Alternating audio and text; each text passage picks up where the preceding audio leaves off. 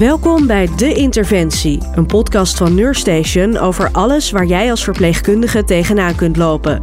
We bespreken werksituaties en ziektebeelden, maar ook je eigen persoonlijke ontwikkeling. Zo kan jij met nog meer plezier je werk doen. Ik ben Rebecca Looyen en vandaag ga ik in gesprek met Petra Vos over passie vinden in je werk en hoe je veranderingen op je werk voor elkaar kan krijgen. Deze aflevering wordt mede mogelijk gemaakt door Zielewind. Petra, leuk om je te mogen spreken. Kan je allereerst iets meer over jezelf vertellen? Ik ben Petra Vos. Ik werk al 38 jaar in de gezondheidszorg en daarvan 31 jaar in het UMCG. Ik ben begonnen als verpleegkundige, aan verpleegkundige. En uh, ja, als verpleegkundige op de intensive care, op de ambulance gewerkt. En ik werk nu nog in het UMCG als ambtelijk secretaris van een medische ethische toetsingscommissie. En daarnaast heb ik ook uh, sinds twee jaar mijn eigen bedrijf, Zielewind. En wat doe je daar precies mee? Daar coach ik en train ik voornamelijk zorgprofessionals over van ja, werk en zingeving, maar ook de levensvraagstukken. Elke fase in je leven kom je andere vraagstukken tegen. Ja. En uh, daar uh, train ik en coach ik uh, mensen in. Maar hoe ben je daar dan mee begonnen? Want het klinkt voor mij als een hele stap van werken in de gezondheidszorg naar een bedrijf hebben om eigenlijk mensen te coachen. Ja, dat is wel een hele bijzondere. Vanuit UMSG kreeg je scholingsbudget en ik ben verpleegkundige, dus ik hou van mensen. En ik leidde ook jonge onderzoekers op. En toen heb ik gevraagd, mag ik niet die opleiding doen? En toen zei het UMCG, ja, nou, even denken, denken, denken. Want dat was natuurlijk een grote investering. Heel wat anders ook. En het UMCG heeft mij dat gegund. Wow. En uh, daarna, na vijf jaar studeren, zeiden ze tegen mij: Wat doe je er nu mee? Toen dacht ik, ja, wat doe ik er nu mee? Ik uh, gebruik het binnen mijn werk. En mm -hmm. toen zeiden ze van, maar je mag het ook naast je werk, mag je ook een onderneming gaan beginnen. Echt? Dat was hun idee? Ja, dat is het idee vanuit uh, het UMSG. Wow. Anders had ik uh, waarschijnlijk niet die stap gezet nee? op deze manier. Ja, misschien uiteindelijk wel, maar ik kom niet uit een ondernemersfamilie. Dus het kwam helemaal niet in me op. Je had er nooit over nagedacht dat je dat ook kon doen, eigenlijk? Nee, ik dacht van, ik vond het zo super tof om deze opleiding, uh, nou ja, te doen. En daar ben ik in doorgegaan. En ik ben ook officieel gecertificeerd uh, internationaal trainingsinstituut uh, op NLP-gebied. Dus ik mag ook internationale opleidingen geven. Ja, het UMCG kwam ermee. Heel wat bereikt dus eigenlijk in die paar jaar. Ja. Als we even de diepte induiken, waar staat Zielewind precies voor? Zielewind staat voor de ziel die roert. Op het moment dat je heel blij bent, dan, ja, dan heb je vaak geen vraagstukken. Of je kan jezelf afvragen: Goh, wat maakt nou dat ik me zo happy voel? Ja, en als je gefrustreerd bent of je voelt je echt niet fijn, dan komen de vraagstukken. Dan ga je, eh, ga je wiebelen. En dat is eigenlijk wat die naam uitdraagt.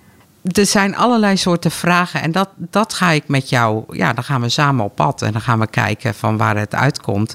Ik luister naar je vraag, naar je verhaal allereerst. En daaruit genereer ik de vraag. Want de vraag die jij hebt blijkt eigenlijk niet de vraag te zijn. Het is de vraag achter de vraag. En ik zeg altijd als metafoor: je hebt de grote safe, daar zit van alles in. En dan gaan we rustig saven. En wat is dan bijvoorbeeld een brokstuk wat daarin blijft zitten, waar jij het meeste last van hebt? Of waar jouw grootste vraagstuk zit. Al die brokken hoef je niet op te lossen. Want dan nou ja, kan het je, niet altijd, nee, denk ik. dan ben je heel even bezig. Maar als je bijvoorbeeld een werkgerelateerde vraag hebt. Wat is jouw vraag ten aanzien van werk? Is het dat je je verveelt? Hè? Dat je een bore-out hebt? Of dat je te druk hebt? Dat je gewoon altijd maar alles geeft, geeft, geeft, geeft? Ja. Dan raak je leeggegeven, zeg ik. Dan heb je eigenlijk een burn-out. We kunnen kijken naar patronen en uh, dynamieken. Ik heb bijvoorbeeld iemand gehad, een meneer, een manager, die zei van, nou, ik groet iedereen elke ochtend. Maar eigenlijk heb ik geen verbinding met die mensen. Dus dan zijn we op zoek gegaan van wat doe jij dan? Hoe kom je dan binnen? Wat doe jij? En wat bleek, hij deed eigenlijk zijn familiesysteem en hij was als een vader voor die mensen. Maar de groep wilde geen vader, die wilde gewoon een manager. Heel lief bedoeld wel. Heel lief bedoeld. Nee, maar het gaat nooit over de intentie. Hè? Mhm. De intentie is per definitie, zeg ik altijd, positief. En toen kwam hij erachter. Oh ja, maar ik wil ook helemaal geen vader zijn. Maar ik wil ook helemaal geen manager zijn. Toen is hij heel wat anders gaan doen. Wauw. Terwijl Dus- dat eigenlijk niet de vraag was waar die bij binnenkwam. Nee. En moet ik jou dan zien als een soort stabiele factor in al die vraagstukken?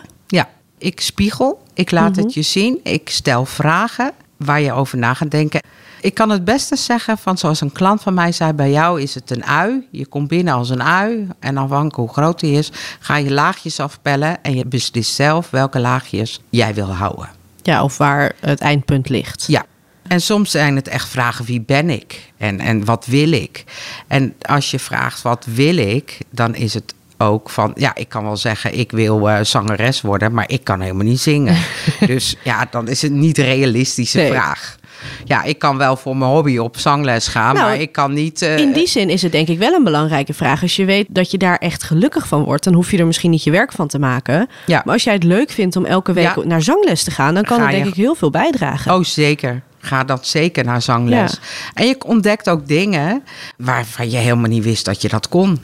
Dus eigenlijk eh, ben ik eh, zeg maar het duwtje in de rug van stap die toekomst in. Ik save met jou en dan ja, kijk Zonder daar eigenlijk een oordeel aan te Er hangen. is nooit een oordeel. Er bestaat geen goed en er bestaat geen fout en er is geen oordeel. Want dat is wel heel mooi dat je dat zegt. Want de vraagstukken die momenteel heel veel spelen, is dat dingen, bijvoorbeeld, ik werk 38 jaar in de zorg. Als ik van toen dingen naar het nu trek, dat kan helemaal niet. Want het is in die context. Maar als jij dingen vanuit het vroeger naar het nu gaat halen, dan raak je helemaal in de war. Ga je helemaal vastlopen. Dus soms is het goed om dingen even uit de context te halen en het er weer in te plaatsen. Wat is dan de les voor jou? Hè? Wat kun jij daaruit leren? Ja. Maar niet van, oh, had ik maar, ik ben zo stom geweest. Ja, misschien ben je wel stom geweest, maar het is gewoon zo. En wat kun je eruit leren? En wat wil je wel? En wat wil je niet? En denk ik ook buiten eh, tijdsperiodes dat ook in context plaatsen misschien gaat om de situatie van jou als persoon. Wat jij meemaakt, maak ik niet mee. Dus het is niet te vergelijken. Nee, het is gewoon de groei in je leven. Hè? We hadden vorige week eh, een mooi gesprek over eh, ja, jongeren, zeg maar, eh, die de kant en de digitale wereld en noem maar op, die kunnen dat veel beter dan mensen van mijn leeftijd, zeg maar. Toen zei ze, ja, maar ouderen zijn dan per definitie, ja, nou, wat minder. Nee, die Nee. zijn niet minder. Die Anders. vergeten wel, hè. De hersenen nemen natuurlijk wel in, in concentratie en zo af, maar ze zijn wijzer door de levenservaring.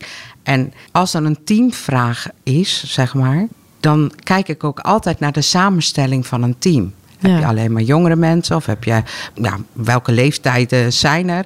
En heb je bijvoorbeeld maar één jong iemand erin en je hebt een bepaalde vraag, is soms al door te kijken naar de samenstelling van een team, dat je zegt, hé, hey, daar zit het hem. Ja, dat zijn mooie vragen. Dus het is niet altijd dat je gelijk, eh, oh jee, we moeten heel lang in een traject of zo. Zielewind is altijd eh, korte trajecten, vijf keer in principe. En als je het dan niet eh, helder zeg maar op dat vraagstuk hebt, dan ja, heb je andere hulp nodig.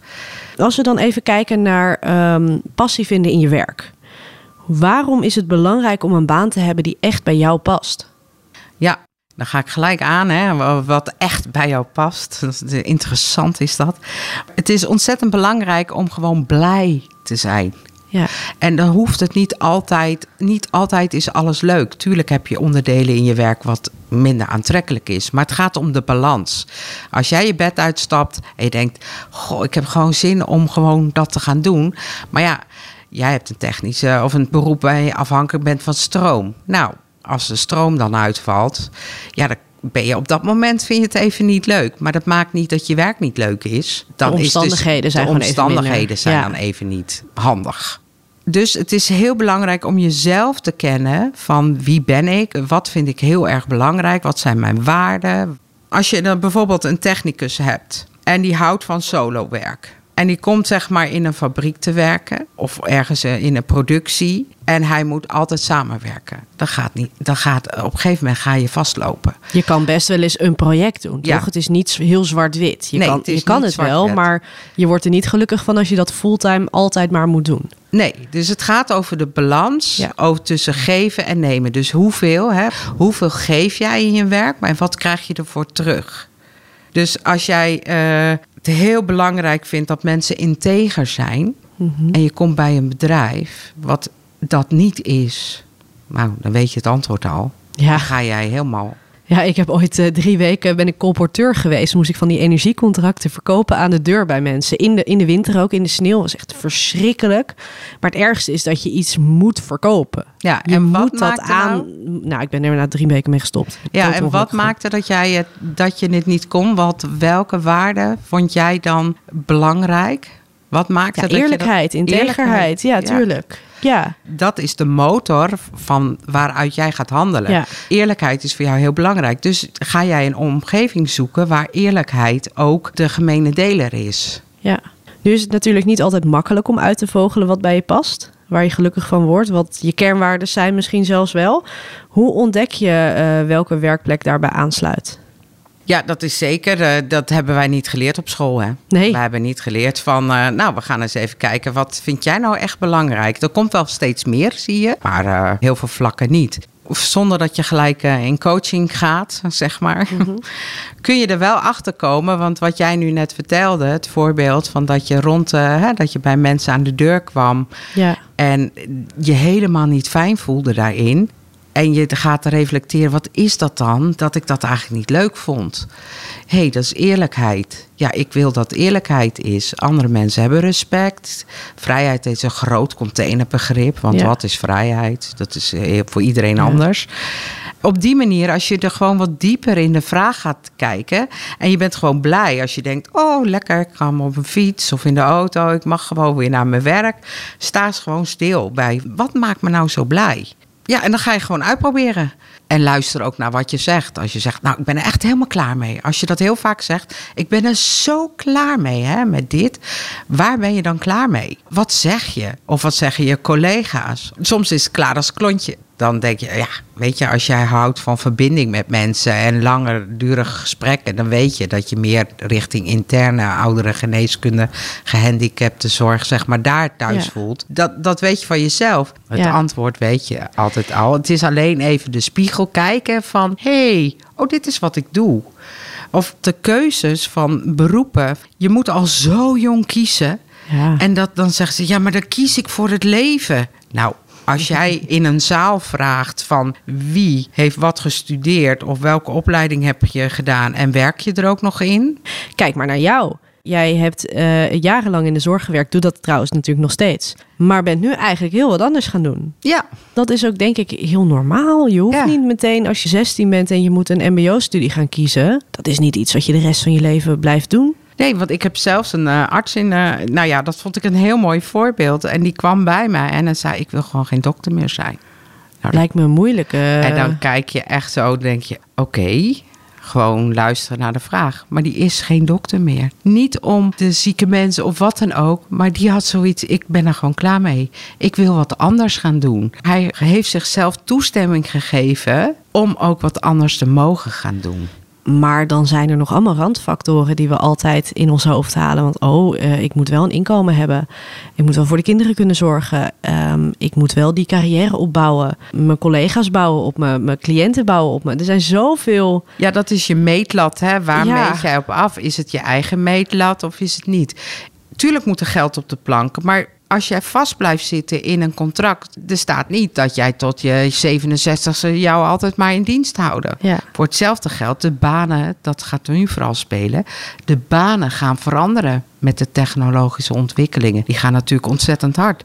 Ben je dan nog wel nodig?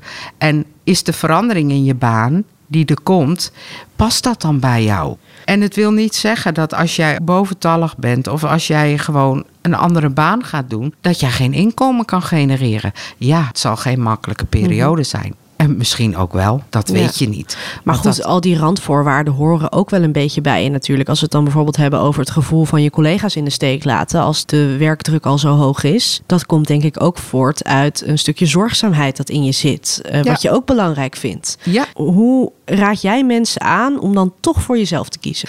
altijd voor jezelf kiezen. Ook al is het lastig, het komt die zielenwind. Is het een vraag die je niet één op één kan oplossen, zeg maar? Zeg ik altijd. Want vriendinnen erover praten is heel goed. Maar die, die houden van je. Ja, Die willen je beschermen. Oh nee, dat moet je niet doen, meid. Want die praten vanuit bescherming. Dan is het heel goed om wel een keer met een coach te gaan praten. Want die kijkt vanuit een ander perspectief. Die stelt andere type vragen. En ik zeg altijd, je doet je auto voor een APK eens in de zoveel tijd kun je zelf ook een APK. Ja. En dat wil niet zeggen dat je een heel traject en dat je de hele eh, de akker om gaat ploegen en dat je helemaal, oh, wat is het allemaal moeilijk. Nee, soms is het even dat spiegelen of even dat zetje, hey, oké, ik ga het gewoon proberen, ik ga het gewoon doen. En soms heb je geen antwoorden. En geen antwoorden is voor ons heel moeilijk. Ja. Geen antwoorden en het toch gaan doen onzekerheid, iets loslaten, is niet gemakkelijk. Maar als je het gaat proberen, nou, misschien komt die dokter wel, hè, die arts, die geen arts meer wilde zijn. Misschien denkt hij over tien jaar van, oh, ik ga maar weer bijscholen, omscholen of wat dan ook. En ik wil dat wel weer gaan doen. Zet jezelf niet vast en Ja. beweeg en wees dynamisch en, en geniet. Maar ook je grenzen stellen. Hè? Je mag grenzen stellen. Tegenwoordig in de zorg ja, lijkt het wel alsof je de grenzen niet mag stellen. Want ja, er wordt gelijk aan gekoppeld. Er zijn patiënten bij. Dat is ook zo. Maar hoe doe je dat dan? En hoe leer je dat dan? Dat leer je bij een coach. En daar is gelukkig, komt daar steeds meer aandacht voor. Dat vind Ja. ik heel fijn. Maar ook voor verpleegkundigen zou ik zeggen, en verzorgenden, zorg dat je in de goede gremia komt. Dat je in de bestuurlijke lijnen gaat komen. Dat je met raden van bestuur gaat spreken. Dat je, nou ja, noem maar op. Dan word je zichtbaar. Dan heb je ook zeggenschap. En ja, je kan zeggen, ja, het is er niet bij ons.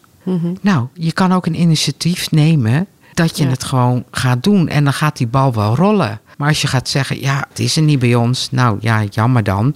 Maar je kan ook kijken, wat kan wel? En hoe kunnen we dat dan heel klein beginnen? Je zei net dat dat misschien niet gebeurt omdat het niet mag, vanwege bijvoorbeeld patiënten inderdaad. Maar is het niet ook dat het misschien minder gebeurt omdat ehm, er het gevoel heerst dat het toch geen zin meer heeft? Omdat het al zo lang speelt. Ja, maar ja, dan zeg ik van, eh, dan duik je de geschiedenisboek maar in. En dan ga je even lezen van eh, de grondlegster van eh, de verpleegkunde is Florence Nightingale. Ja. Als je die geschiedenis leest, die had ook kunnen zeggen, ja, het heeft geen zin. Maar je gaat door en kijk naar kansen. Dan kom je bij die passie. Als jij die gedrevenheid voelt, en dit is echt mijn vak, en jullie hollen mijn vak uit, en dat wil ik gewoon niet, dan ga je je verenigen. En dan ga je op zoek en dan ga je het gesprek aan en ga het dialoog aan. Want heel vaak wordt er gezegd van, ja, maar bij ons kan het niet. En dan zeg ik, heb je het al eens gevraagd? Waarom gebeurt dat dan niet, denk je? Is het eng? Ja, in de waan van de dag. Altijd maar Ja. de druk, druk, druk, druk. Dan krijg ik er dat ook nog bij. Ja, Maar jij zegt het is eigenlijk belangrijk om die tijd daar wel voor te maken. ja, dat is al de kleinste stap die je kan gaan zetten om verandering. Ja, want anders blijft het altijd druk, druk, druk en de Ja. waan van de dag. En, Ja, en als je het altijd oplost, krijg je steeds meer bij.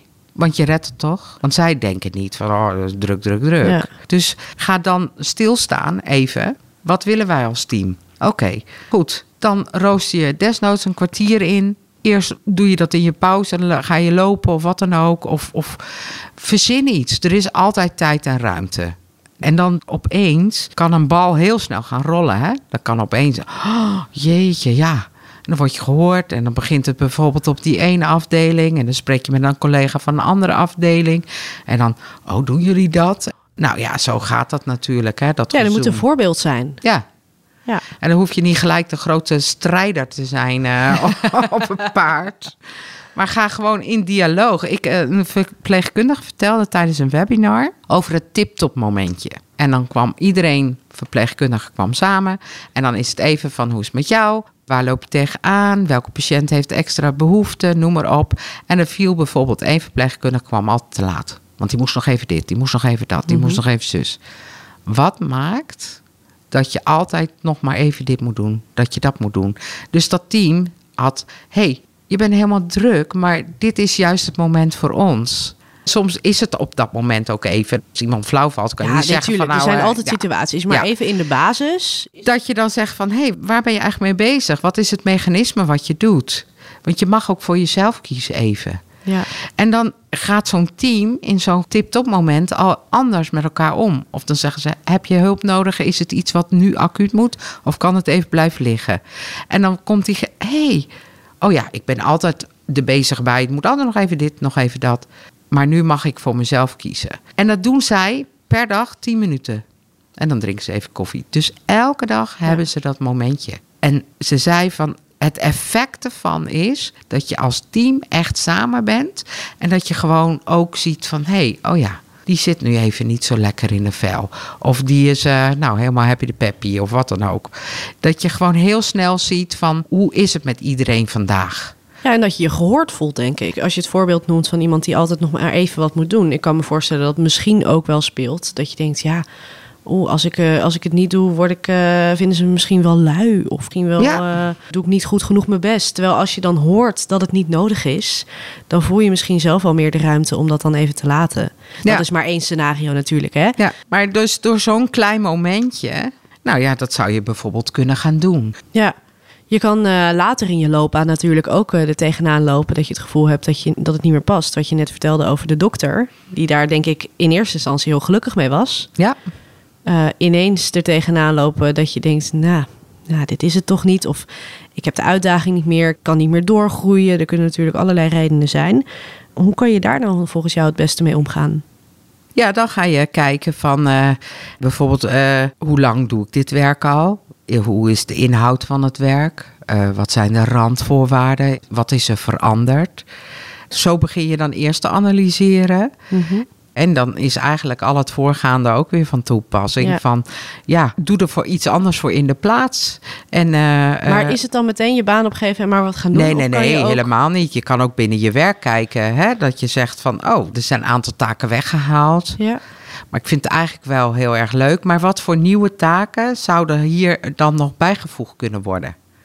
Nou, dan stel je iets voor. Ja. Dus die hoeft niet gelijk allemaal je werk op te zeggen. ja. Maar ga op die manier gewoon kijken, analyseren. Wat, wat, is er veranderd? Ja, je, je verandert als mens natuurlijk ook. Je bent ja. ook gewoon ouder geworden. Misschien een gezin inmiddels. Dat verandert natuurlijk. Je maakt dingen mee in je persoonlijke leven die je misschien ook wel vormen. Ja. Dat speelt natuurlijk allemaal mee. Speelt zeker mee. Zijn er dingen waar wij onbewust als mensen allemaal wel tegenaan lopen? Als ik uh, dan vanuit de zorg kijk, hè, de vanzelfsprekendheid van uh, je hebt voor een bepaalde baan gekozen, je bent dienstbaar, uh, je wil graag zorgen, je wil mensen helpen, dat het als vanzelfsprekend wordt gezien. En ook die verpleegkundige die nog even, nog even wat doet. Dat is wel wat je ziet in de zorg. Veel geven. Heel veel geven. Heel veel geven. En mensen raken regengeven, want je kan niet alleen maar geven. En dan is het niet alleen de waardering dat je zegt van nou fijn dat je zo hard hebt gewerkt en hier heb je chocola en hier heb je zo'n lekker pakket of wat dan ook. Nee, het gaat over echte waardering van ik zie jou dat het echt zo is. En als je dan ja een aanbod krijgt bijvoorbeeld over uh, de opstanden die er nu uh, komen in de zorg. Van ja, wij willen gewoon gezien worden, we willen gehoord worden en we willen gewoon gewaardeerd worden. Dat zie je heel veel. Dat zijn wel patronen. En je mag gewoon best wel wat zakelijker worden. Dat je zegt van ja, weet je, ik werk. Jij vraagt, ik heb dat nodig. Meestal, ik lever dit. Ik lever dit. Meestal als ik het al zo uitleg, dan gaan mensen al anders kijken. Ik zeg, werk is niet meer dan dat ze zeggen, ik heb dat nodig. Jij zegt, die competenties heb ik. Ik kan dat voor jou doen. Dus heb je een overeenkomst en de beloning is je salaris. Mm -hmm.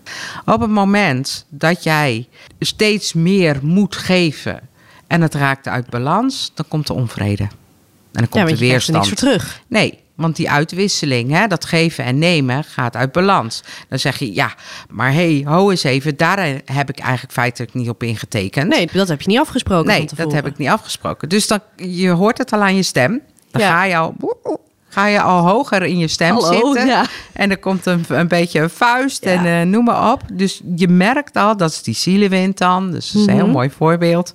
Van je merkt al dat het, dat het gaat roeren. En als je het op die manier bekijkt, mensen verschuilen zich vaak. Uh, ja, maar, uh, of een manager of wat dan ook. Ja, maar ik krijg de roosters niet rond. Dat kan wel zo zijn dat je je roosters niet rondkrijgt. Maar wat maakt dat jij je roosters niet rondkrijgt? Wat vraag je van je mensen?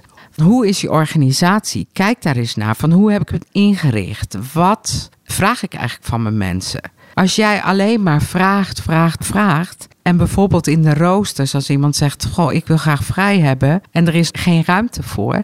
Ga daar naar kijken. Niet alleen maar van: ik krijg mijn roosters niet rond en het is moeilijk, moeilijk, moeilijk. Maar kijk in het totaalpakket. Maar goed, die zielenwind kan wel opkomen. En je kan wel dat echt vinden van: ja, hallo, kijk ook even naar mij. Toch is het eng om dat te zeggen. Ja, dat is eng om te zeggen. Maar als je het gezamenlijk doet en daarom die tip-top momenten hebt. En je krijgt in die tip-top momenten bewijs van elke keer van ja, weet je, we hebben minder verpleegkundigen. Of we hebben dit of we lopen daar tegenaan of wat dan ook. Dan heb je al die verbinding. En dan komen dit soort gesprekken en dan sta je niet alleen. Want je bent niet de enige die dat meemaakt. Want jouw hele team maakt dat mee. Kan het ook helpen om te redeneren naar je leidinggevende vanuit um, niet zeggen ik vind dat ik te veel moet doen in mijn werk. Maar ik merk dat uh, wij als team minder goed kunnen presteren omdat er te veel van ons gevraagd wordt. Dat is heel belangrijk. Wij zien, hè, wij zien dat.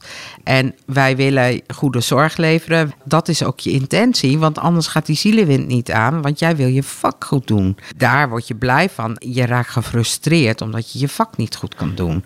Dus als je het dan omdraait naar hier hebben jullie ook voordeel van, dan krijg je de dialoog. En dan gaat het niet alleen over de roosters, maar dan word je gezien, dan word je gehoord, dan word je gewaardeerd.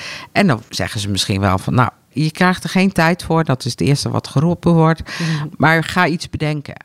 Dan hoef je ook geen werkgroep gelijk. Dan kan je die tip-top uh, momentjes ook doen. Dan maak je hem alleen vijf minuten langer, bewijs van dan ontstaat er een dynamiek die gewoon groter gaat worden. En op een gegeven moment krijg je wel tijd ervoor. Ja. Hier in het UMSG heb je dat je op verschillende afdelingen als verpleegkundige kunt gaan kijken. Dat was er eerder niet. Nu is de mogelijkheid er wel. Dus dat je een soort snuffelstage van drie maanden hebt of zo. En als zoiets er niet is bij jou in de organisatie, dan zou je dat kunnen voorstellen. Ja. Mag ik eens twee weken of drie weken gedetacheerd worden en snuffelen? Ja, wat maakt dat je dat doet? Het is altijd druk.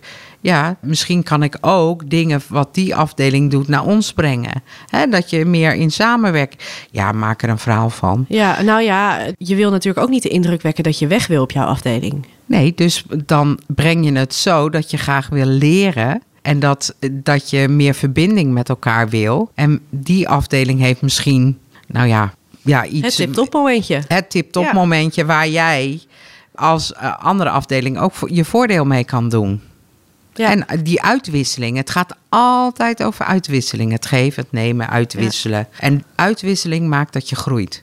Dan tot slot, er gebeurt op dit moment natuurlijk heel veel in de zorg. Wat zou jij vanuit jouw expertise mee willen geven aan andere zorgverleners?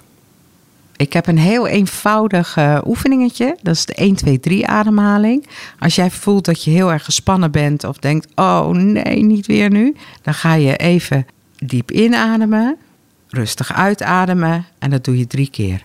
En dan merk je al, als je dat gaat doen, en dat kun je overal doen, en het is gratis, en je kan het met je, is snel, je kan het met een patiënt eh, die heel zenuwachtig is, ergens voor of gespannen is, doen. En dan merk je al, als je dat gaat doen, dat jouw lichaam even in de andere modus komt. Nou, dat wil ik je graag meegeven. Je luisterde naar De Interventie, een podcast van Neurstation. Deze aflevering werd mede mogelijk gemaakt door Zielewind. Wil je meer weten over loopbaanontwikkeling of andere vakverhalen lezen? Kijk dan op neurstation.nl. Over twee weken zijn we er weer. Dan praat ik met Lisette Boy over het ziektebeeld dementie. Vond je deze aflevering nou interessant? Laat dan vooral een review achter en deel hem met je collega's.